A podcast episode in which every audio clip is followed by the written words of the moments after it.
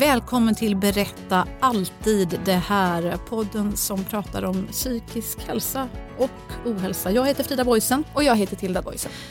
Varje år insjuknar 35 800 personer i utmattningssyndrom. Det är 688 människor varje vecka, 100 per dag.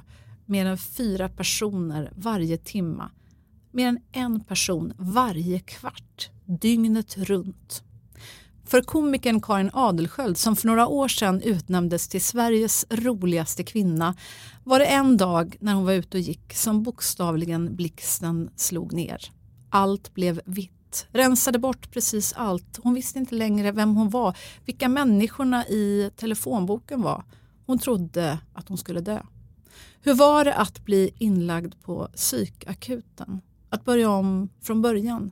Hör Karin själv berätta om hur humorn räddade hennes liv.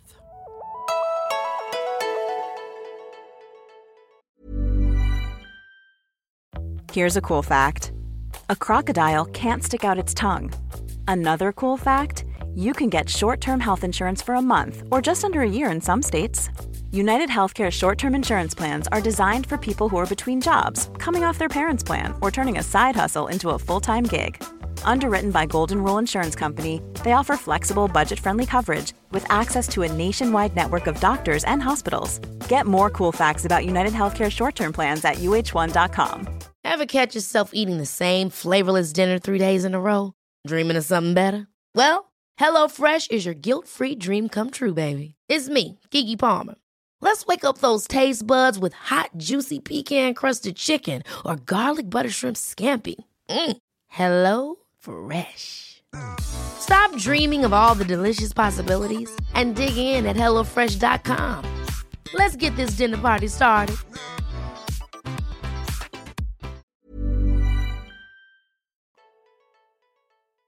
Karin, varmt välkommen till Berätta alltid det här. Tack! Vi är så himla glada att du eh, är här. Verkligen. Det var ju så att vi är så många som känner dig som en helt fantastisk komiker, en av våra absolut mest folkkära och briljanta skulle jag säga. Dessutom är du en grym talare, du är författare, jag har själv läst flera av dina böcker, bland annat en som är, heter Så blir du en roligare talare eller någonting mm. liknande. Grym, kan jag rekommendera alla som vill eh, alla bli bättre på att ja. tala. Och dessutom har du precis utbildat dig till stresspedagog, eller hur? Mm, det stämmer. Mm, det ska mm. vi få höra lite mer om senare. Ja. Men man tror ju att den som står på scen och bara sprider skratt och glädje, den människan kan väl aldrig drabbas av en depression eller bli den som kraschar. Men det var vad som hände dig. Ja, det var det. Mm. Vad var det som hände egentligen från början? Jag har ju egentligen kraschat, jag har kraschat några gånger under livet men jag tror att du eh, tänker på den gången som jag kraschade så illa att jag verkligen, eh, ja, vad ska man säga, det var väl den största livskrisen jag varit med om någonsin. Det var 2016. Mm. Då hade jag jobbat som komiker i eh, sju, åtta år jag stod på toppen skulle jag säga. Och, och eh, sådär av karriären, det var turnéer, jag eh, var ute och talade och underhöll jättemycket. Jag programledde liksom, den största satsningen på lördagsunderhållningen på SVT. Jag liksom, fick göra alla de där jobben. Och jag började känna redan 2015 att så här, men det är någonting som inte stämmer. Jag är uppe i varv, jag börjar bli mer och mer irriterad, jag hade svårt att sova. Och då är det så att jag hade gått in i väggen tidigare, 2005, 2006 ungefär. Mm. Och visst kände till signalerna. Så att jag tänkte att oj då, jag börjar nog bli för stressad. Det är dags för mig att bromsa ner. Vad var det du märkte då? Jo men just det där att jag hade svårt att sova, att jag hade, kunde liksom inte komma ner i varv och jag hade ont i kroppen och jag tror det tydligaste var att jag kände så att alla är idioter. det är inte så himla fint men jag, jag, så här, folk som jag egentligen tycker om, jag var ju liksom, jag var på den man säga, karriärstoppen då att alla fixade och donade, det var mm. taxi som hämtade, det var kläder, det var, liksom, det var sånt där glassliv. Och ändå var jag irriterad på allt och alla. Mm. Så då kunde jag ändå räkna ut att men nu är det någonting som inte stämmer. För egentligen älskar jag människor och älskar till och med, alltså jag var till och med irriterad på mitt jobb. Mm. Tyckte så här, Ja, men jag vet att någon sa, jag var och handlade så sa någon, jag bara köpte en kaffe så sa hon som jag köpte den av, hon bara, ah, så här, ha det så bra. Och min första tanke var, Vadå ha det bra? Hur kan du kräva något sånt av mig? Ska aldrig kräva det av dig. Ja men då vet man att man är stressad. Mm. Ja. Och då kände jag igen tecknen så att jag tänkte så här, nej nu ska jag göra alla rätt. Och jag var också lite mätt på den här uppmärksamheten och allting. Och jag levde med en man då, vi hade levt eh, särboförhållande i fem år och han fick ett jobb i Östersund där han inte kunde pendla till Stockholm längre. Så det var liksom många saker så att nej, jag tackade nej till massa jobb. Eh, sa upp liksom jättemånga uppdrag, sa upp eh, programlederi på SVT och flyttade till Östersund för att inte bränna ut mig. Mm. Och väl där då så köpte vi ett jättestort hus på 350 kvadrat. Vi skaffade en liten hund, hund en liten valp. Sammanförde då vår familj, vi hade fyra tonåringar, 13, 14, 15, 16 var de då. Jag tog in PT, jag började meditera, jag gick eh, fjällvandrade ganska ofta på helgerna. Det låter som att du gjorde alla rätt, alltså att du lyssnade ja. på signalerna och tänkte så här, nej, men nu ska jag varva ner på jobbet, jag flyttar till mig, jag flyttar från ja, den där Stockholmsstressen ja, långt upp på ett berg och ja, bara prioritera familj och mys, djur till och med, ja. börjar andas, ja, jag vandra. Gick, ja, men precis, jag gick faktiskt här andningskurs också. Till men. men jag vet inte om ni hör här när jag berättar om det här att vad jag gör är ju att jag fortsätter ju mm. prestera. På ett annat sätt bara. Ja, precis. Du är små, jag såg direkt på dig att du såg så här, oh, oh, det här går åt fel håll. Ja. Jag gjorde det som jag tänkte att man skulle, det vill säga att jag tog bort jobbet och sen så satsade jag 150% på att göra allt det man inte ska för att bränna ut sig. Så man skulle kunna hårdra det och säga att jag brände ut mig på att inte bränna ut mig. Mm. Jag var lite smått desperat och tänkte liksom, ja men det här. Och jag också startade någon slags YouTube-kanal och så här, skulle blogga om mer, ja men du vet, ja. Mm. Så en höstdag september 2016. Jag var ute och gick med hunden. Plötsligt så är det som det kommer en vit blixt. Det bara liksom blixtrar till och så vet jag inte vem jag är. Och det här kommer som en blixt från klar himmel. Det vill säga mm. Jag tycker att jag är ganska, jag är trött och spidad lite grann men jag tycker inte att det är så himla farligt. Men jag vet liksom inte vem jag är, jag vet inte vad jag är. Men det var hemskt, alltså du är ja. där och den här blixten står ner, du ser som ett ljus och du har ingen aning om... Sen blir det bara vitt liksom. Och jag, jag, på något sätt så har jag kunnat hantera min mobiltelefon, det säger väl också allt. Ja. Men jag vet att jag inte visste, jag visste hur jag skulle öppna den, jag visste hur jag skulle ringa men jag kände inte igen någon av namnen. Men däremot så en av de senaste numren jag hade ringt var ett hjärta bakom och så tänkte jag det är ju någon jag tycker om, hjärta fattade jag. Så då ringde jag och då var det min sambo. Och vi trodde jag hade fått en hjärnblödning, in snabbt till akuten. De konstaterade ganska snabbt att nej, det är en akut stressreaktion. Men vänta, vänta, hur kändes det där när, när du, när den här blixten har slått ner som du beskriver? Det låter mm. ju nästan som att, ibland som man tänker att det så där är det när man dör, att man ja. ser något ljus. Blev du rädd eller hur kändes alltså, jag det? Jag var alldeles för, för förvirrad för att veta. Mm. Jag var och, och det här när du ser mobilen, fattar i alla fall att det är en mobil men du mm. vet inte vem du är. Känner inte igen något av namnen. Känner inte igen något av namnen? Hur, hur, hur, kändes det då? Jag, jag, minns liksom inte riktigt vad jag kände utan det var liksom bara vrålåk in till akuten mm. och akuten då när de konstaterade att det här var inte någon, någon mm. eh, liksom, vad heter det, hjärnblödning, ja, eller, hjärnblödning eller stroke mm. eller något sånt där mm. utan att det var en stressreaktion så placerade så hamnade jag på psykakuten istället. Och där kunde jag ju första gången liksom börja känna efter. Mm. Men samtidigt minns jag ju inte jättemycket.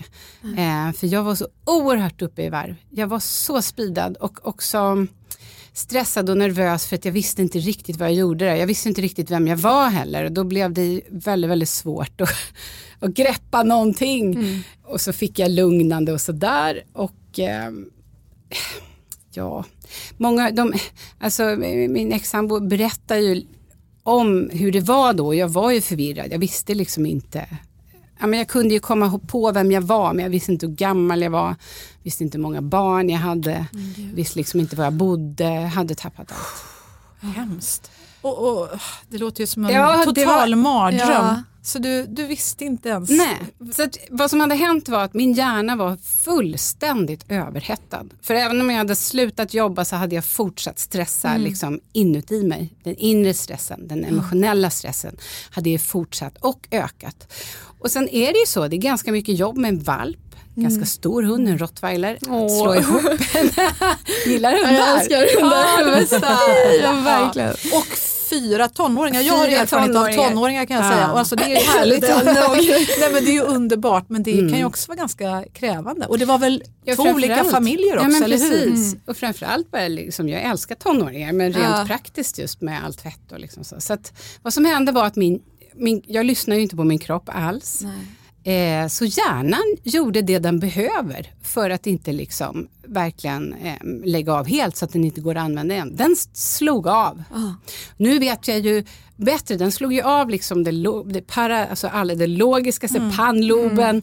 Eh, Liksom, vi har ju olika delar i hjärnan så kvar var bara reptilhjärnan och knappt det. Men var det inte så att du ändå visste typ att du hade jobb? Att det det kom du typ ihåg? Gig. Nej, gud, inte i början. Nej. Nej. allt var borta i början. Allt var borta. Jag kunde inte läsa, jag kunde inte skriva. Jag låg inne kanske, jag kommer inte ihåg hur många nätter och det var liksom för att hålla koll på mig för att jag skulle vara liksom någorlunda stabil och sen Mm. så fick jag vara hemma men då kunde jag knappt röra mig. Sen kom ju vissa saker tillbaka, det är klart Mm. att när jag, så, jag kände igen barnen och allt sånt där, det var liksom helt okej. Men jag ha- hade absolut inget minne, jag kunde inte hålla något i. För vad hjärnan gör är att när den tar för mycket energi så måste den slå av för att spara. Och då slår den av alla de processer som inte är supernödvändiga, till exempel minnet. Så att jag kunde inte, första tiden då, jag kunde inte komma ihåg om jag hade ätit. Och jag hade, kommit, jag hade inga direkta hade hungerkänslor men jag visste inte, hade jag ätit nu eller hade inte. Så jag fick liksom leta efter spår, jag fick anteckna allt. Kunde hålla minnet kanske fem minuter. Och vad läkarna sa då var ju att det här är liksom ett resultat av att du antagligen har stressat eh, sen du var utman, utmattad sist, ja. senast eh, då jag inte var ledig så himla länge. Och att du har haft en inre stress och en yttre stress i många, många år. Och att eh, det är liksom det som händer. Och man trodde också så att, att jag skulle få en bestående hjärnskada av det här för det tog så pass lång tid. Ja. Hur kändes det för dig då? Eller så kom, kanske inte kom ihåg hur det kändes Jo, men jag-? Eller? De första tre månaderna kunde jag inte acceptera att det hände. Nej. För att jag tyckte att jag kunde för mycket om stress och att jag tyckte att jag hade gjort alla rätt. Så de första tre månaderna grät jag och protesterade och försökte. Jag gick till affären, jag gick till, så jag skulle försöka gå ner i vikt. Alltså jag hittade på massa jävla konstiga grejer som inte, som jag har, aldrig tänkt på vikten och plötsligt skulle jag så börja, jag vet inte, halmstrån. Och sen så insåg jag bara att jag får acceptera att det blir så här. Men, men hur lång tid tog det för dig då eh, innan du började komma ihåg någonting? För nu sitter du ju här fullt Ja. funktionabel känns det som. eh, Liksom, du ser ut som en helt eh, fantastisk människa Karin. Det har Men tagit tid. Jag förstår det. Men, men jag tänker kan ju vara intressant för andra också att förstå. För det här, det här är väl ändå en ganska ovanligt hård eh, reaktion. Jag, jag känner ju till vissa Ja. andra bekanta så här, som också har drabbats av sån här akut eh, utbrändhet när hjärnan helt enkelt eh, Kollapsar. Ja, liksom, Ja. Är det inte så att det verkligen bränns ut att typ, eh, nästan vätskan i hjärnan typ, känns det som liksom försvinner? Liksom? Ja, då trodde man ju också att det skulle vara hjärnskada men nu vet man idag att det inte ger, att hjärnan repar sig även efter de absolut värsta utbränningarna. Underbart. Och lyssnar du på det här och känner, gud jag har också känt de här tecknen, kommer det här hända mig? Så det är jätteviktigt att säga att det här kan hända, det händer inte jättemånga och framförallt så är all stress och all känsla av utmattning är inte sjukdomen utmattningssyndrom. Nej. Och det är viktigt att säga det också för att min historia är liksom ett skräckscenario men det ska ganska mycket till för att hamna eh, där jag var. Och det så svar på din fråga, det tog många, många år för mig att ta mig tillbaka och jag vet att jag pratade med en tjej, det var någon som hörde av sig som själv hade varit utmattad och hon sa, ja men efter något år så där så kommer du nog kunna börja komma på benen och så. Och jag tänkte ett år, det är så, alltså, så lång tid. Men sju år har det gått nu och nu börjar jag känna igen mig själv. Kanske för sex år då. Mm. Ja, det brukar ju eh, många säga just att, att att det är en, en kamp att acceptera just det, Ja. att, att det tar tid. Att det blir bättre men det tar tid. Och att det kanske till och med säger ju en del, och det har inte jag hittat någon forskning på än, att det tar lika lång tid att att reparera som det har tagit att bli sjuk. Och det var ju sju år sedan jag hade bränt ut mig senast, sen brände jag ut mig och sen så har det tagit sju år nu att bli frisk så att säga. Det, var, det tog lång tid innan jag kunde säga frisk också. Så att det tar tid. Vad hände där då? Du, du, fick, du var på psykakuten då i Mm. några dagar. Mm. Jag- minns någon bild du la upp och sådär. Du, du, där var det ju akut. Och sen blev du, fick du någon medicin eller något sånt där? Eller? Jag fick eh, antidepressiv medicin men då åt jag innan så jag fick lite starkare dos. Jag fick lugnande, jag fick sömntabletter också för att kunna sova och liksom komma ner i varv. Och sen fick jag en kontakt på öppet affektiva eh, enheten som det heter. Och det är också roligt, efteråt kan jag ju skratta åt det för att jag var så här, jag vill gå i terapi, jag vill, och då sa de, men din hjärna klarar inte terapi. Nej. Du ska liksom bara eh, sköta om det du kan, liksom, eh, typ vila. Jag bara, vila man, när vet Men man att det är klart. ja. Och då var det så att i Östersund bodde då en av Sveriges främsta experter, eh, en psykolog, inom utmattning. Okej. Så att jag tog in honom privat, det var svindyrt, han tog egentligen inte klienter och jag gick väl ungefär tre gånger ungefär och det kostade alltså så här flera tusen per gång. Ja. Och jag minns inte ett ord. Men Inte någonting, för att jag, min hjärna funkade ju inte. Men vad Alltså, hur, hur tar det på en person? Jag tänker, alltså, du har gjort mycket som vi hörde här i början. Mm. Att liksom tappa väldigt mycket av, i alla fall vad jag, alltså, mina förmågor och kunskaper. Det, ja, men det sätter jag väldigt högt värde i att man har det. Jag tänker och sen liksom tappa så mycket, alltså tappa minnet, tappa sina vanliga kroppsliga och hjärnsliga funktioner. Hur tog det på dig att inte kunna göra allt innan? Att känna att fan jag fattar inte som innan, jag kan inte jobba som innan, jag Nej. förstår inte som innan. Hur, hur tog det på din självkänsla och på hur du mådde just då? Ja, men det var en jättebra fråga för det var ju alltså, en extrem knäck. Och det var det jag höll på och fightades med då i tre månader. Det snurrade, snurrade, snurrade. Om jag inte kan stå på scenen, vem är jag då? Om jag inte kan skriva, vem är jag då? V- För jag är ju journalist i grunden. Om jag inte kan prata ordentligt, vem är jag då? Och det var till sist det jag landade i liksom. Att jag, jag satt på soffan där, jag kunde liksom bara ja, kunde bara få i mig bullar. Vi bodde grannar med ett bageri så jag åt bullar till middag liksom hela tiden. Det var vad jag klarade. Jag hade gått upp så jag var ganska stor och så, så plötsligt så tittade jag på mig själv och så sa ja, men om ingenting annat funkar så kan jag väl bara vara en hoppborg. Alltså, jag men där slog komikern till igen. Ja, och det var då det vände och då skrattade jag för mig själv och så tänkte jag så här, fan det här är ju för eländigt. Men då hade jag jobbat som komiker, framförallt lärt ut humor och humorkunskap till jättemånga människor. Så då, då kom, kunde jag koppla på det här. Och då bara fortsatte det egentligen. Så humorn blev Humorn, din väg ja. eh, liksom till hopp kanske igen? Att du liksom tänkte att men här, Jag här är har livräddare. Ja, och idag vet jag ju också att, att just det här att skratta åt sig själv eller med sig själv är, är oerhört bra. Visar Verkligen. liksom forskningen också för att eh, hålla den psykiska hälsan Mm. eh, liksom uppe men också liksom motverka stress och, och sånt Ja. där. Och, och, eh, vi ska fortsätta på den här hoppets bana för den vill man ju verkligen höra. Men jag bara tänkte också som anhörig. Mm. Vad, vad, vad gjorde dina anhöriga för dig och vad, var det någonting som betydde mer än någonting annat? För försöker tänka mig in i bilden av att man är i den här otroligt utsatta situationen och hur, och hur hemskt det måste vara, hur ensam man måste känna sig. Och, ja, det måste vara så fruktansvärt. Jo, vad ska var- man göra om när man står precis. runt för att kunna hjälpa på något vis?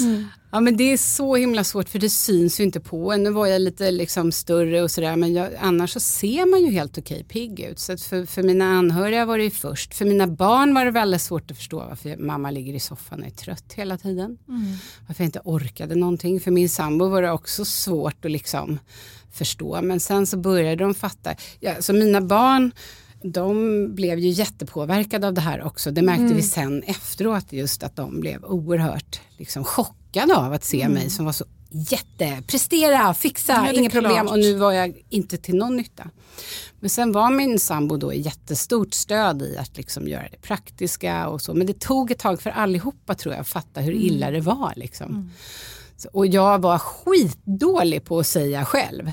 Så jag vet att jag åkte på någon utflykt. Vi skulle liksom över till Norge och det var någon utflykt och jag var helt borta av lugnande och bara satt där och istället för att bara säga jag orkar inte. Så det var också en process för mig att lära. Men, var du sjukskriven under den här perioden? Ja, det var Ja. jag. Precis. Det, det är ju ändå det, man är ju ändå heltidssjukskriven. Då är det klart att eh, Ja. då fattar väl folk kan man tänka att man är sjuk men det kanske är svårt att förstå ändå eftersom det Ja, inte precis. syns. Det syns inte riktigt. Och sen är det svårt att förklara också så här, att jag är typ hjärntrött. Eller Ja. vad ska man säga. Ja. Så det var svårt för alla och det var också svårt.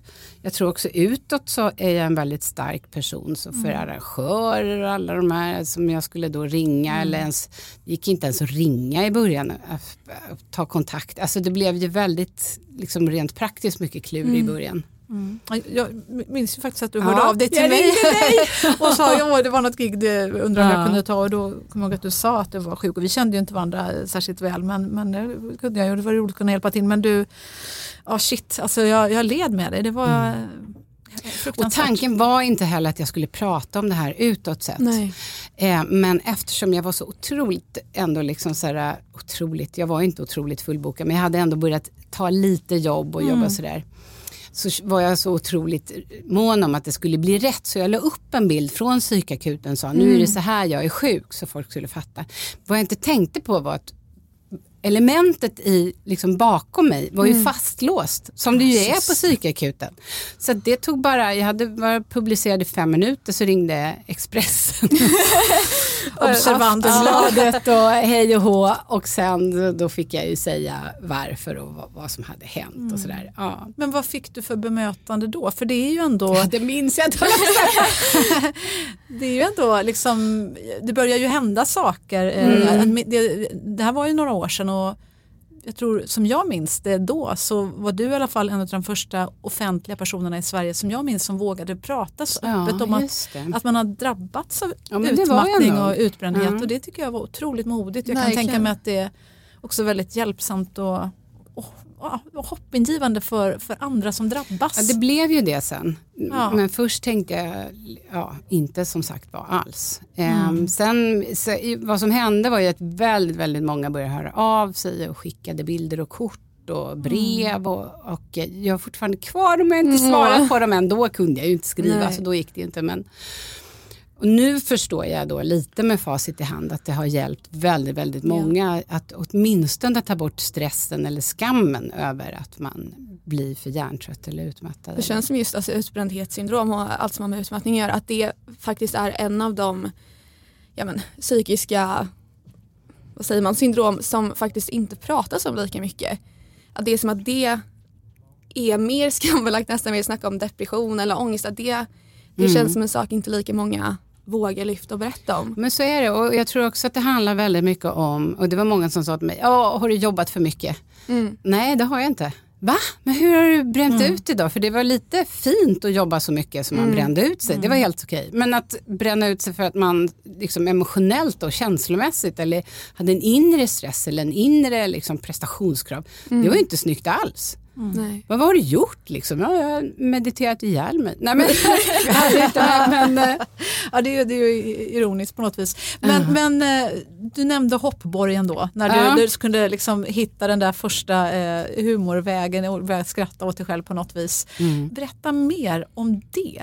Hur, hur, hur började du, vad började hända i dig då? Ja men då accepterade jag ju.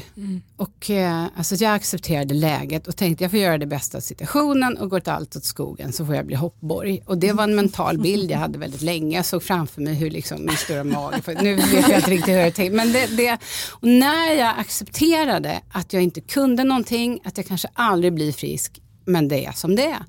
Då började jag bli, liksom började min rehabilitering, min återhämtning.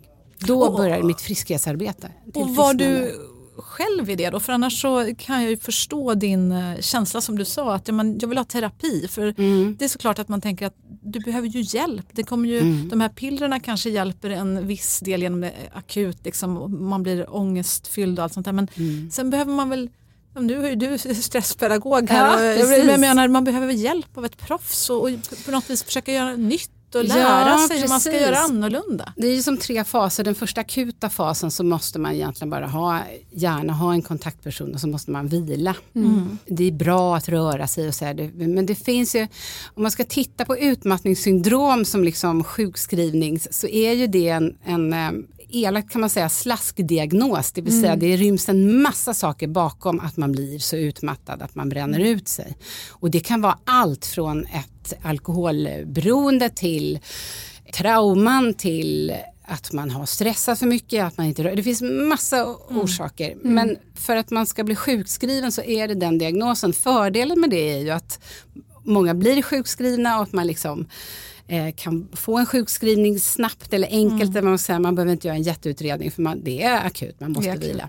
Nackdelen är att man kollar inte riktigt på varför. Nej. Eh, alltså vad är det som har gjort att du hamnat här? Och det är också då olika saker som hjälper för olika personer. Så vad man vet är hålla koll på maten, motion, eh, vila är bra. Men för den som är så trött och så utbränd så är det svårt. Vadå motion? Jag kunde knappt röra mig.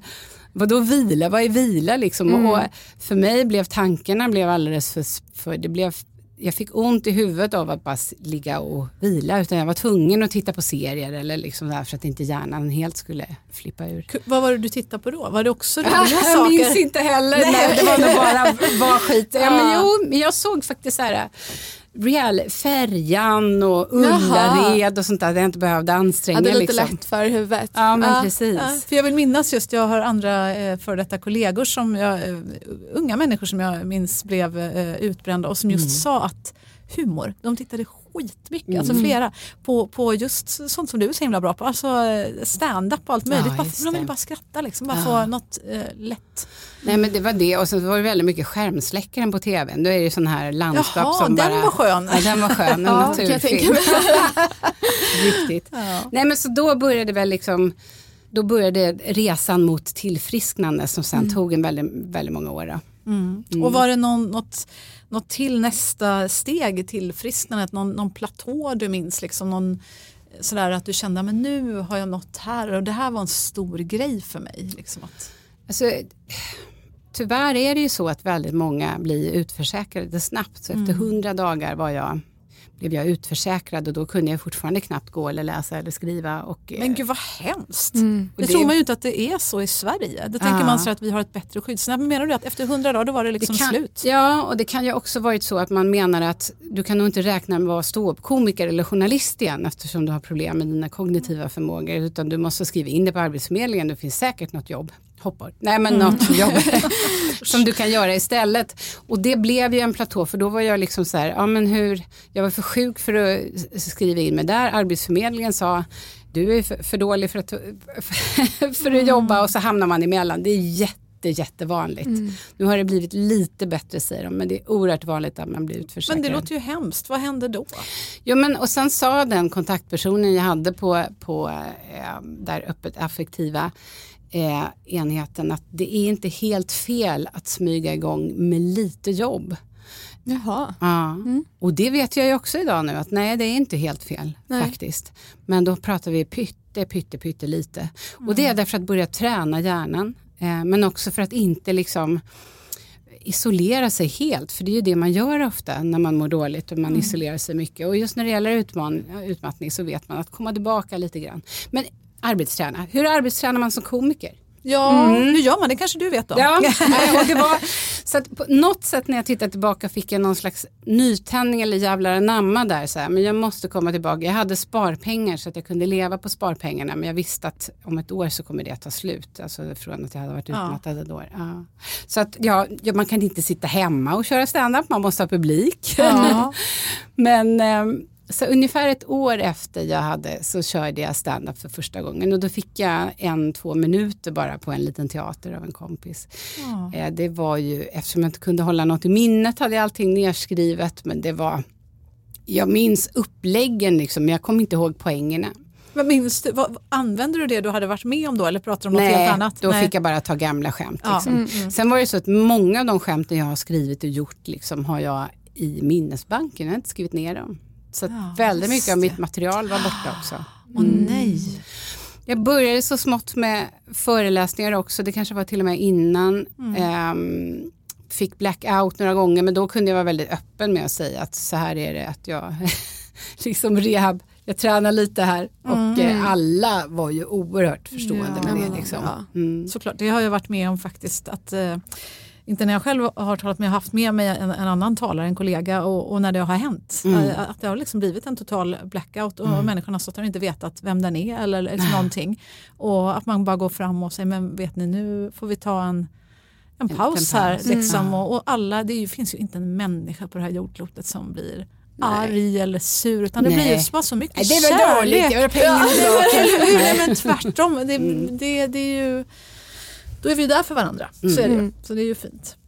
Men eh, Ja, men så jag började jobba lite grann och då fick Ja. jag lite livslust tillbaka och tänkte också så här, men det här kanske kan gå. Mm. Och vad ska jag göra då liksom för att det ska funka? Och då var jag ju tvungen att sätta, liksom lägga alla mina egna pusselbitar då, eh, i livet på ett bord kan man säga och titta på vad är det som funkar, vad är det som inte funkar Mm. och ta en sak i taget.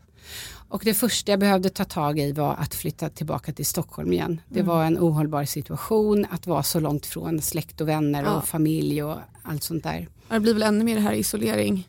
Som Ännu man egentligen ska isolering. passa sig Ja men precis. Vi i vår relation var nog inte supertopp för varandra, någon av oss, utan vi var faktiskt ganska stress. Vi ville så gärna ha en härlig bonusfamilj. Jag tror inte för någon av oss var det så härligt som vi hade tänkt. Så det var tyvärr en sak jag var tvungen att ta bort. eh, För det stressade mig en hel del, det här med att vara en bra, jag tycker det är svårt att vara en bra mamma, ska man vara en bra bonusmamma liksom.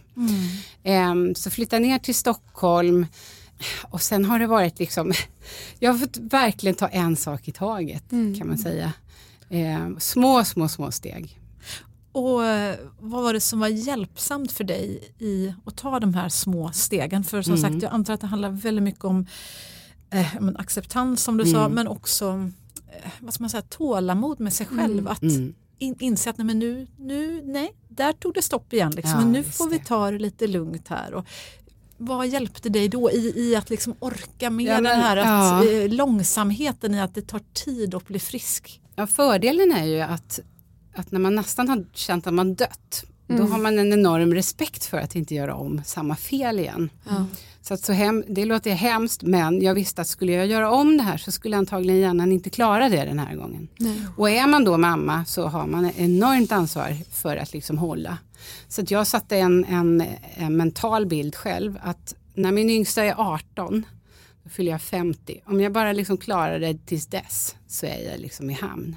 Mm. Fyllde 50 nu för några veckor sedan. Nej, men, Grattis Karin! Och jag är i hamn och jag är piggare och starkare än jag någonsin Ja, varit tror jag faktiskt. Grattis, alltså, Mm. verkligen. Jag får rys när du berättar det, men det är ju helt otroligt. Så, då, så där kom ju mitt tålamod. Jag har aldrig haft tålamod innan. Men det fanns liksom inte så mycket att välja mellan. Nej. Det, vissa saker. Så jag började med att motionera. Ja. Mm. Och vad blev det då? Ja, promenader, fem minuter, tio minuter, 15 minuter. Mm. Jag eh, var med i ett hälsoprojekt som var med Malou faktiskt. Ja, jag kollade Simers. faktiskt, jag Ja, på det. Ja. De ringde upp mig och sa, Mm. du, vi ska göra en satsning här, kändisar som ska få hjälp. Och då var det en, en medicinsk PT som heter Mikael Lengress som är, hade just pluggat Just om just utmattning och så. Så att ganska snabbt eh, fick jag in honom i mitt liv och förstod då att anledningen till att jag mått så dåligt när jag börjat motionera lite och fått lite puls, för det var fruktansvärt, jag bara grät och kände ingenting funkar. Det var ju att det påminner om samma puls som man får när man får stress. Alltså samma adrenalin som kroppen, liksom, hjärnan misstolkar och tänker, åh nu är du på väg in i väggen igen. Men jag hade bara liksom, vad intressant. Mm. Var det något trauma som satt kvar från liksom när allt ja men ja, precis. men blev, alltså typ den här blixten och sen Ja, efter? Det exakt. Var, ja. Så att så fort jag kände puls så trodde jag att jag skulle dö. Mm. Och då berättade han, ja, men det här är fullständigt normalt. Har man varit utmattad eller utbränd, behöver inte ens vara så långt, men har man negativ, liksom, negativa känslor kring stress på det sättet så är det svårt att träna. Bara veta om det gjorde ju underverk. Vad fint att du fick en sån alltså, bra PT som också förstår dig. Ja. Och alltså, att man bara lär sig en sån sak själv måste vara så skönt att känna att det är inte för att jag är värdelös och inte kan träna utan Exakt. jag har en förklaring och det är inte konstigt. Gud vad fint att du fick den. Och det var därför också jag var med i Malou i TV4 för att säga, men det här måste ju alla, för, varför, prö- för då hade precis Anders Hansen släppt sin bok om träning, liksom om, om järnstark.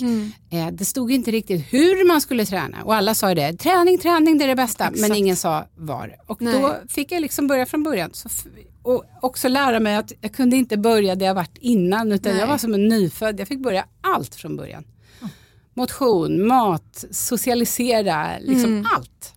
Och vad, vad har du för eh, tips eller erfarenheter där om vi tänker på det här med det sociala exempelvis? För då var du singel igen då. Ja just och det, förälder precis. ju i alla fall.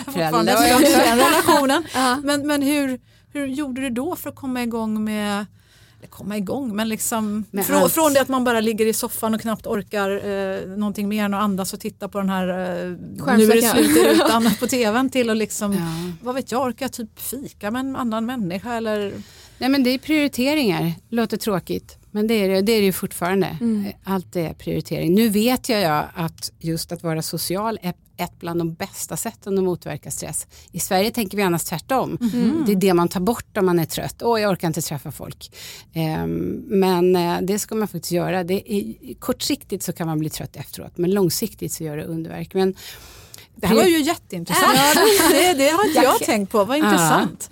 Och jag var, jag var på Kuba för några år sedan, ehm, för jag har också utbildat mig till dansterapeut. Och Men var jag gud vad du har.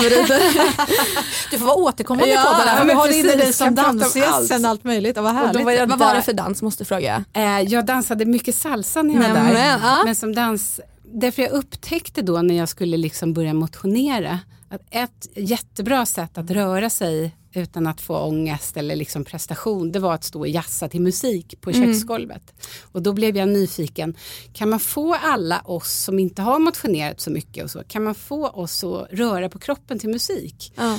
För det finns ju något annat med det där också, det är att man liksom skakar ut lite psykisk ohälsa genom att röra kroppen. Kropp och som ni vet, eh, hjärna eller eh, psyket hänger så otroligt mycket ihop. Verkligen. Och det fina är att eh, även om vår hjärna styr och ställer och gör lite hur den vill, man ska inte egentligen lyssna på sina tankar och sådär, så kan man lura hjärnan genom att om man mår bättre i kroppen så tolkar hjärnan det som att man mår psykiskt bra. Fast man inte gör det. Det är det som är så häftigt. Och just dans då är ju så speciellt. Det, det kommer så mycket lyckohormoner och sådär. så Ja, och med musik samtidigt. För musik har ju så mycket att göra med Exakt. alltså, det är massa studier på Ja. hur glad musik eller ledsen musik påverkar. Så det, är- det är samband med dans jag ju under. Och då var jag på Kuba, de jobbar jättemycket med dans för psykisk hälsa utan att veta om det egentligen. Och, och, och också av, kan man säga, av skäl som inte är så himla härliga. De har Nej. ju inte antidepressiva, de har inte tillgång till psykolog så att de, de dansar mycket. Så det jag var där för att studera det. Men det var många utsvävningar här. Men då var det en av danslärarna en dag som inte kom. Och då sa de andra, den andra dansläraren att ja, men han, är- han är deppig, han mår liksom inte bra. Så allihopa måste gå hem till honom nu. Så samlades jag ihop, vi var 50 pers på skolan. Men gud. Tryckte in oss i hans lilla, lilla lägenhet, lite musik på och så. Så så löste man liksom Shit vad osvenskt. Ja, Där har vi ju någonting att lära. För alltså, I Men Sverige är vi, väl, är vi inte precis tvärtom här. Jo. Om någon säger så här, jag mår dåligt Ja. eller jag, jag känner mig jäkligt, tänker, ja nej men jag förstår. Alltså, det, är ju, alltså att det här att komma och knacka på, det är så Men också bara det stödet. Bara. Här kommer alla elever att dansa för. Det måste vara jätte, men jättefint Ah. att känna att man har den, Ah. ja, men de som står bakom en och bara finns där. Gud vad fint. Så allt handlar om prioritering, det Mm. gör det fortfarande. Jag insåg att jag har, ehm, jag har en viss mängd energi varje dag Mm. och jag måste välja supernoga med vad jag använder den till. Mm. Och det blev ju rent fysiskt väldigt tydligt i början när jag precis hade bränt ut mig. Idag är det ju fortfarande så, jag måste hela tiden förhålla mig till hur mycket energi har jag, Mm. hur mycket gör jag av med. Och då är det här med att vara en detektiv i sitt eget liv, det vill säga vad är det som tar energi för mig? Vad är det som ger energi för mig? Mm. Och jag har som sagt har pluggat ett halvår till stresspedagog och det jag har lärt mig under den här, nu är jag Ja, nu är vi så stresspedagog. nyfikna. Ja. Sitter så här. Det är att stress inte är problemet. Nej, så Det är inte så alltså. motsägelsefullt. Nej, för stress i sig är en process som är fantastisk. När kropp och hjärna och allting liksom fokuserar och gör att vi kan prestera bra. Men stress kostar energi och energi har vi inte hur mycket som helst. Nej. Och vad jag lärde mig då är att vi pratar om stress och utmattning för den delen på liksom helt fel sätt. Många är jätterädda för stress, många är stressade för att de är stressade. Snacka om dubbel energi liksom Ja. på slag där. Man är stressad för man mår dåligt. Det tar massa energi förutom att det tar energi att må dåligt. Man tänker att yoga är bra för alla. Man tänker att det är liksom man måste verkligen gå till sig själv. Så här, vad mår jag bra av? Vad ger energi? Vad tar energi? Och det började jag då med för sex år sedan. Att börja liksom, och, sen, och det gör jag Och, och fortfarande gör det idag. som någon slags, um, nu kanske vi kan gå över till att lyssna på dina tips här som Ja, är ändå stresspedagog, när utbildat proffs. Men är det liksom, det låter lite som att man gör en plus och minuslista nästan. Vad, vad ger mig energi och vad tar bort energi? Är, är det ett sätt att börja eller hur gör man? Absolut, ja, men det är jättebra. Och jag hade ju, nu har jag tränat upp mitt minne också så jag minns saker men då mindes jag inte så jag var tvungen att göra en lista vad Mm. jag tar energi och vad ger energi. Och då upptäckte jag ju alltså, att saker som jag inte ens trodde. Eh, till exempel, jag tänkte eh, en lugn middag, vi Mm. är bara fyra, fem personer, det är ju perfekt. Men jag upptäckte att jag blev väldigt stressad av det. Mm. Varför det? Jag vet inte riktigt. Jag tror att det handlar om att jag inte är så van vid det. Ehm, liksom vid parmiddagar och, och den typen av, jag har inte tränat på det så mycket. Jag har jobbat så mycket sedan jag blev vuxen. Och vad tyckte du var härligare då, i, Eh, sociala sammanhang? Stora mingel, massa Jaha. folk. Oj. Det ger mig energi. E- Eller hur? Jaha, tänker ni. För det är precis det. det, är det. Och många sa, hur kan du stå på scenen och köra stand-up? Det är det värsta man kan göra. Inte för mig, det är mitt vardagsrum. Jag Ja. får ju energi av det. Och det får man ju faktiskt säga, jag har ju också erfarenhet av att stå på scen. Alltså det är ju så positivt. Alltså den Ja. kärleken man får från en publik. Applåderar, ser snälla och glada och intresserade Ah. ut om man har tur. Det är klart, det kan, det kan vara fantastiskt positivt. Särskilt som du kände dig så trygg där. Ja, så, att, att liksom, och, och, så att det var också, och sen upptäckte jag att jag hade väldigt mycket stressorer, alltså saker som stressade mig som jag inte tänkte på. Långsiktiga saker, vem ska jag leva med när jag blir gammal? Det var på minussidan, var det stressigt det eller? Ja, ja, det är klart. Och det, och det var en stress som jag inte ens hade lagt märke till. Ja men det här snurrar ju och surrar. Men hur gör man med den skiten då, jag på att säga? För jag menar, det är väl många som tänker, vem fasen ska jag leva med? Och så Ja. ältas det runt, runt, runt. Ja. Vad, vad, ska man säga? Nej men ursäkta, det ligger på minuskontot så det ska inte jag hålla på att tänka på för då blir jag bara ännu mer stressad. Eller Nej, vad gör man? Man tar tag i det. Och hur gör man då? Så det första man gör är om när man bara ska titta på rena stress, stress, stressorer. Då ska man sätta sig och så ska man liksom göra en lista en, över vad man är stressad. Kortsiktigt och långsiktigt.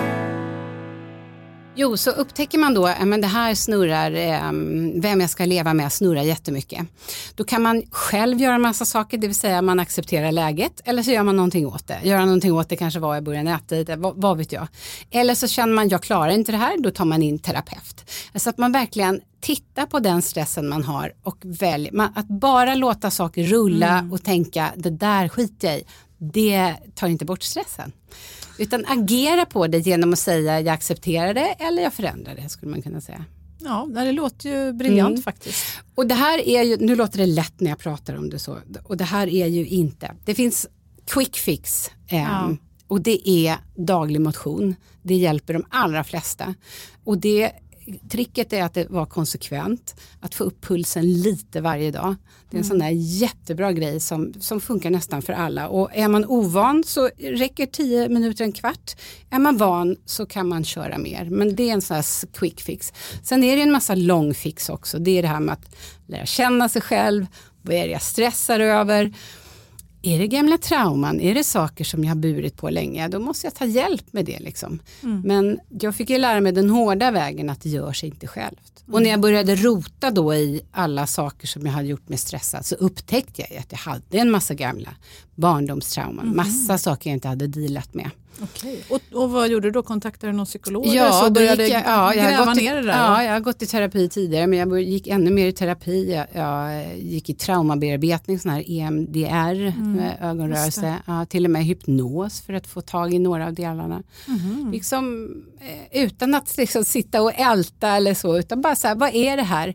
Mycket handlar om förståelse. Mm. Vad var det du hittade som... eh, Ja, men en, en konkret sak var till exempel att jag blev väldigt stressad av att komma till ett rum med nya personer som jag inte kände.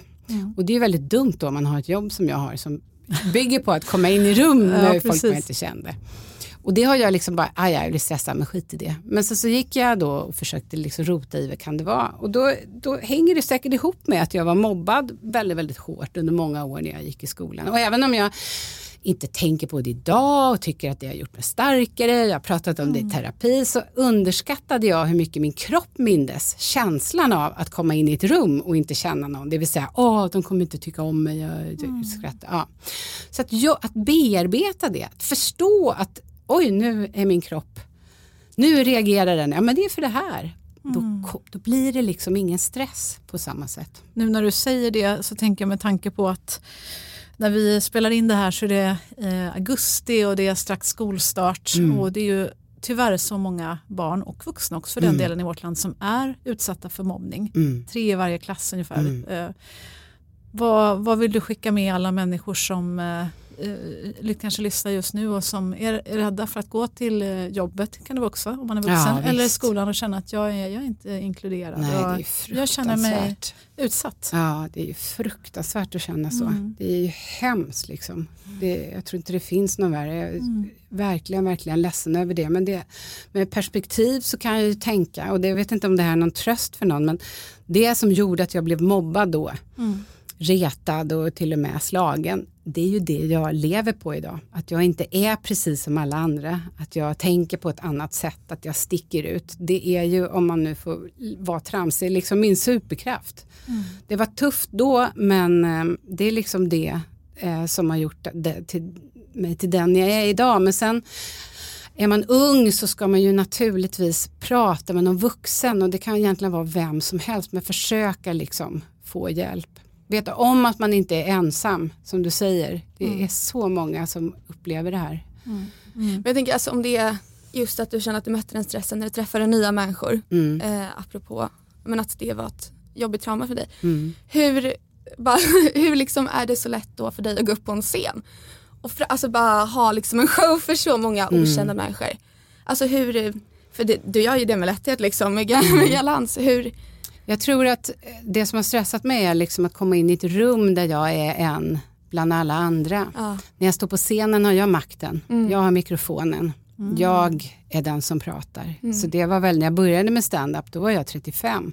Då upptäckte jag att det fanns en enorm liksom, frihet i att den här gången är det jag som säger till er. Annars hade jag alltid varit den som alla sa saker till. okej. Men sen är det klart att jobbar man med stand-up så träffar man ju folk i rum hela tiden som man inte känner, alltså andra situationer. Och det, alltså jag fattade inte varför jag var stressad. Liksom. Nej. Om vi ska gå till det du har lärt dig nu då, det Mm. senaste halvåret. För nu är du alltså, ut, förutom att du är utbildad dans... Eh, Terapeut, ja, jag har läst grunderna i dansterapi. grunderna i alla fall, jag, ja. jag är inte terapeut men jag får däremot jobba med dansterapi. Ja, vad fint. Men så är du också stressterapeut. Pedagog. Stresspedagog heter det. Ja. Och då får man gå en, det är en heltidsutbildning va? Ja men precis. Och man lär sig om väldigt mycket om hur stress fungerar. Man lär sig också väldigt mycket om återhämtning och vila. Och det här är ju någonting som väldigt, väldigt många i vårt land brottas med. Många verkligen. människor som kanske inte hamnade i ett utmattningstillstånd eller syndrom. Men, men bara det är många, det är alltså 35 800 personer som insjuknar varje år i utmattningssyndrom. Och det, det var en ökning med 13 procent sedan eh, två år innan. Så det, det, siffrorna pekar ju inte åt rätt håll. Och det är många Precis. som upplever en olust och en ohälsa på grund av stress. Vad är dina absolut bästa tips om man går omkring och känner att man mår dåligt av stress? Ja men det är ju att lära sig mer om stress och vad det är som gör att man blir stressad. Den vanligaste sjukskrivningsorsaken är stressrelaterad ohälsa. Mm. Och då gäller det att veta vad man blir stressad av. Mm. För det är inte samma för alla och man blir inte heller återhämtad av samma saker. Och det, är liksom, det finns quick fixes, alltså små saker man kan göra. Och det är det här tråkiga nu, så nu kommer ni bli lite ledsna och sura. tror inte. Men det är det här med att röra sig varje dag, daglig motion. Mm. Och det fina är det att det, det, är som, det är som antidepressiv medicin. Jag äter inga mediciner idag, jag äter lite hormoner för, ja. för klimakteriet. Men eh, det är ju att det har samma funktion men man måste vara konsekvent och man mm. behöver göra det. Det tar 6-7 veckor innan det kickar in. Liksom. Så många som börjar motionera tänker men det händer inget. Jo, mm. så motion är alltid det bästa med mm. det man kan, de minuter man har. Men varje dag, spring till bussen, gör vad som helst. Räcker det att promenera också tycker du? Absolut, men få mm. upp pulsen. Mm. Så att, eh, är du en sån som, idag springer jag en mil liksom, så då kan jag inte promenera en kvart, jag får inte upp pulsen utan jag mm. måste få upp okay. liksom, pulsen. Ja. ja. Men jag började med fem minuter bara. Bra mm. där. Så motion och mer Motion, eh, sömn, det mm. gamla vanliga också. Och då är det ju så här härligt alltså att man kan man kan skylla på, vad ska man säga, det har ett samhälle som är svårt att leva i. Vi har väldigt mycket runt omkring oss som mm. pockar på vår uppmärksamhet och gör att det är roligare att sitta uppe och kolla TikTok än att gå och lägga sig. Men den enda som kan bestämma liksom, när du går och lägger dig, det är ju du, det du själv. Mm. Alltså, eh, mamma och pappa kan säga men de kan inte tvinga dig att somna själva insomningsprocessen. Mm. Så oftast är det vi som är problemet. Men det är också vi som är lösningen. Så att, att gå och lägga sig i tid och försöka liksom prioritera den gör också underverk om man är stressad. Mm. Har det gått så långt att det snurrar en massa då är det ju svårt att sova och då får man liksom titta på det. Mm. Ja, lång... Tredje tipset då? Tredje tipset. ja, men att, att um, att bli en detektiv i sitt eget liv, att lära sig vad man blir stressad av eh, mm. och vad man får energi av. Att liksom börja analysera sig själv och sina tankar istället för att tänka att, att det man tänker är sant. Nu blir det massa inbakat i ett. ja, men, men det, det, det är också att man börjar med den här plus och minuslistan nästan här och så detektivar man vidare där. Och så tar man action sa du också på att liksom göra något. Mm. Inte bara låta det ligga och gro. Om man inser att man men jag, jag mår dåligt av att gå in i ett rum med massor av människor. Men varför gör det och göra något åt det? Mm. Liksom, eller hur? Ja. Jag la väldigt mycket energi på att försöka hitta lö alltså varför. Mm. Varför blev jag stressad? Ah. Varför blev jag utmattad? Och det kan jag säga, det tog några år. Och jag var i grupper och jag försökte läsa alla böcker som fanns. Och till sist tänker jag, om jag tar den här energin och lägger det, den energin istället på sånt som gör att jag mår bra, då, då kommer jag längre. Så mm. det är också så här, jag skulle säga att stress är som på tre nivåer. Vi har stressen i samhället, det är svårt att förändra samhället på en gång. Sen är det stressen på jobbet eller vardagen. Det är en, men sen är det vår personliga privata stress och mm. den kan vi göra någonting åt liksom. Mm. Eh, med lite enkla saker. Så ta det på allvar och också veta om att stress i sig är inte farligt. Nej. Det är att stressa hela tiden som är farligt. Mm. Pizza är inte farligt men att äta pizza hela tiden är farligt. Så det är liksom samma sak där. Ja. Ja, häftigt. Nu låter jag som en riktig så här hurt. du, du, du, du, har ju eh, all legitimitet på något vis. Alltså att du har varit med om den här otroligt otäcka resan får man mm. säga, men som ändå har idag lett till att du igen strålar av mm. livsglädje när man ser dig och att du har lärt dig både att dansa dig hälsosam och mm. skratta mig hälsosam ja, framförallt. Ja, exakt. Och sen är det ju också så här att det går liksom inte, vi har en kultur där man vill ha allt och få allt och snabba lösningar och hej och Jag har ju ett annorlunda liv idag. Mm. Jag kan inte jobba hur mycket som helst. Jag kan inte, jag måste se till, alltså varje dag och varje vecka som en planering där jag måste lägga in saker som jag mår bra av. Och, och hur gör du det så att det blir av? Det tycker jag skulle vara intressant har du något litet tips där? Ja men för mig är det ju fortfarande så, jag vet vad som händer om jag inte gör det. Mm. Så om jag, jag har liksom eh, verkligen, verkligen gått in i detalj i mitt liv och se vad kan jag ändra mm. i mat och sömn och liksom allt sånt där. Och gör jag saker som jag vet att jag inte mår bra av efter två, tre dagar så börjar jag bli deppig eller känner mig liksom inte pigg. Och så mm. så att mitt riktlinje är pigg och glad, pigg och glad. Mm. Så jag gör saker som gör mig pigg och jag mm. gör saker som gör mig glad varje dag. Och det är för att jag vet vad som händer annars. Och känner man lite stress eller man åh, jag kanske är på väg någonstans eh, så kan man också veta att man måste förr eller senare ta tag i det. Det behöver inte gå så långt. Det ska förhoppningsvis aldrig gå så långt som det gjorde för mig. Men man kan inte hoppa över och tänka men jag vilar när jag går i pension eller jag gör det. Utan man liksom, ju längre tid man väntar desto längre tid tar det att komma tillbaka. Mm. Så ta tag i att. Låter grymt. Eh, Karin Almköld, du är helt enorm. Vi vill tacka dig från djupet av vårt hjärta för att du var här i Berätta alltid det här. Och tack för att du berättar vet, att du ja, ger så många så andra mycket. hopp och glädje. Fortsätt skina eh, din kraft över Sverige. Tack, tack för att jag fick komma. Mm, det är klart. Ja, Tilda, vad jag tänker på nu när Karin har gästat oss, eh, det är att det finns ju hopp. Det gör det. så är det alltid eh, och det, det, får man inte glömma bort. Samtidigt eh, är jag ganska oroad faktiskt eh, över eh, inte minst hur det ser ut här i Stockholm. Här har ju våra eh, politiker faktiskt beslutat att att eh, ja, stressmottagningen vet jag bland annat, alltså flera kliniker som är just specialiserade på utbrändhet har varit tvungna att stänga ner för det är inte tanken längre att Region Stockholm ska ha några specialistkliniker som ägnar sig åt utbrändhet utan istället så ska vårdcentralerna ja. ha hand om den här eh, problematiken primärt och då allmänna psykiatrikliniker. Mm. Eh, vad tänker du om det Tilda? Men jag tycker att det är oroande egentligen. För det är lite som vi är inne på just dagens avsnitt.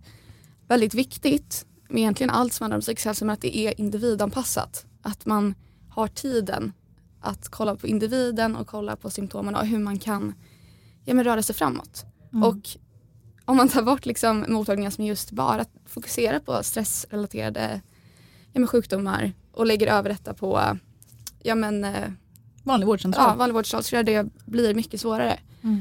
Och eh, jag, jag tror det blir hemskt. Jag, jag, tror att många personer faktiskt kan få det svårare mm. att lika snabbt hitta tillbaks. Och det här är ju som vi precis hörde, det här kan ju vara en otroligt allvarlig sjukdom. Mm. Alltså för Karin det, det lät ju som att hon ja, trodde att hon skulle dö och att hon var väldigt väldigt illa däran. Så att eh, lämna människor som drabbas av så här allvarliga psykiska symptom mm. eh, till vårdcentralen primärt det, Ja, det är svårt. Ja, det låter, låter tufft. Men äh, ja, äh, har, har, du några tankar eller reflektioner, du som lyssnar på det här programmet? Berätta gärna för oss, hur, hur är det där du bor? Mm. Vi äh, berättar förstås gärna vidare på sociala medier. Följ gärna oss där. Vi heter på Instagram berätta underscore, alltid underscore, det underscore här. Ja, Men man kan förstås också följa eh, Tilda Boysen och Frida Boysen på ja, alla våra sociala kanaler. Mm. LinkedIn mm. inte minst, för jag rekommenderar när det kommer till mig i alla fall, där jag försöker ge lite fördjupande perspektiv kring det vi pratar om i våra avsnitt. Och det, är, mm. det är så många människor som bidrar med så himla mycket intressanta infallsvinklar. Jag vill verkligen tacka alla. Verkligen.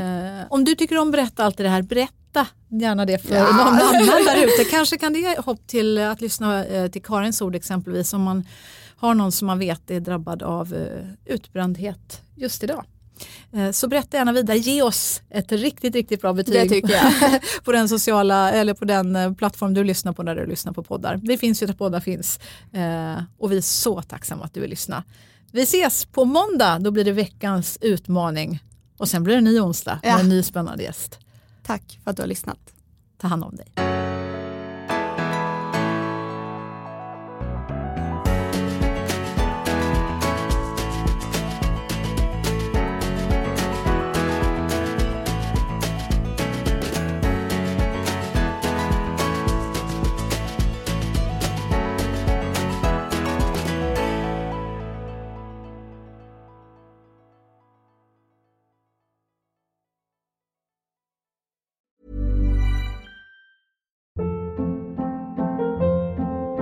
Hold up. What was that? Boring. No flavor. That was as bad as those leftovers you ate all week. Kiki Palmer here, and it's time to say hello to something fresh and guilt-free. Hello Fresh. Jazz up dinner with pecan-crusted chicken or garlic butter shrimp scampi. Now that's music to my mouth. Hello Fresh. Let's get this dinner party started. Discover all the delicious possibilities at hellofresh.com. Hey, it's Paige DeSorbo from Giggly Squad. High quality fashion without the price tag. Say hello to Quince. I'm snagging high-end essentials like cozy cashmere sweaters, sleek leather jackets, fine jewelry, and so much more. With Quince being 50 to 80% less than similar brands.